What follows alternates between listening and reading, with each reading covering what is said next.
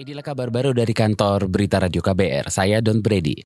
Saudara Persatuan Dokter Gigi Indonesia atau PDGI mendukung Romi, seorang dokter gigi disabilitas yang digagalkan kelulusannya saat menjadi peserta calon pegawai negeri sipil.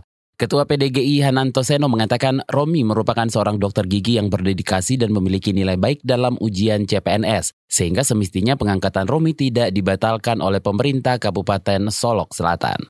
Dokter Romi ini adalah uh, dokter gigi yang dedikasi tinggi, bekerja di tingkat uh, wilayah yang terpencil sehingga dibutuhkan oleh masyarakat Indonesia, dibutuhkan masyarakat-masyarakat di daerah terpencil.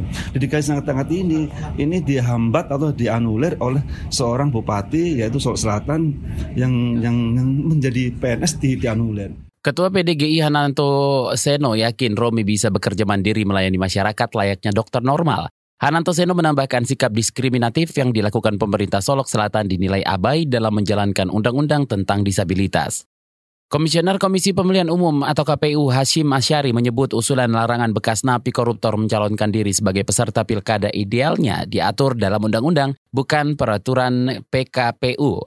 Hashim Asyari mengatakan larangan bekas napi koruptor maju pilkada bisa dimasukkan ke dalam revisi undang-undang pergantian yang baru itu Oktober sudah ada yang baru. Hmm.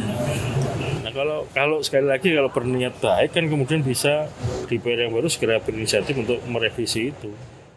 Komisioner KPU Hasim Asyari menambahkan ada alternatif mempercepat aturan masuk ke undang-undang dibandingkan menunggu pelantikan anggota DPR yang baru, yaitu masyarakat bisa melakukan pengujian undang-undang soal syarat calon koruptor itu ke Mahkamah Konstitusi. Sebelumnya usulan larangan bekas napi koruptor maju ke pemilu pernah disampaikan oleh Komisi Pemberantasan Korupsi.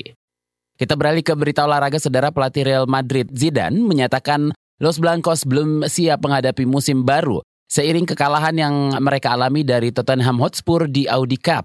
Real Madrid menelan kekalahan dari Tottenham dengan skor 0-1 di ajang Audi Cup. Kekalahan dari dari Tottenham tersebut menambahkan derita Real Madrid di masa pramusim. Sebelumnya Los Blancos juga menelan kekalahan dari Atletico Madrid dan Bayern Munchen. Terkait ketidakhadiran Gareth Bale di ajang Audi Cup, Zidane mengatakan hal tersebut bukan mutlak keputusannya.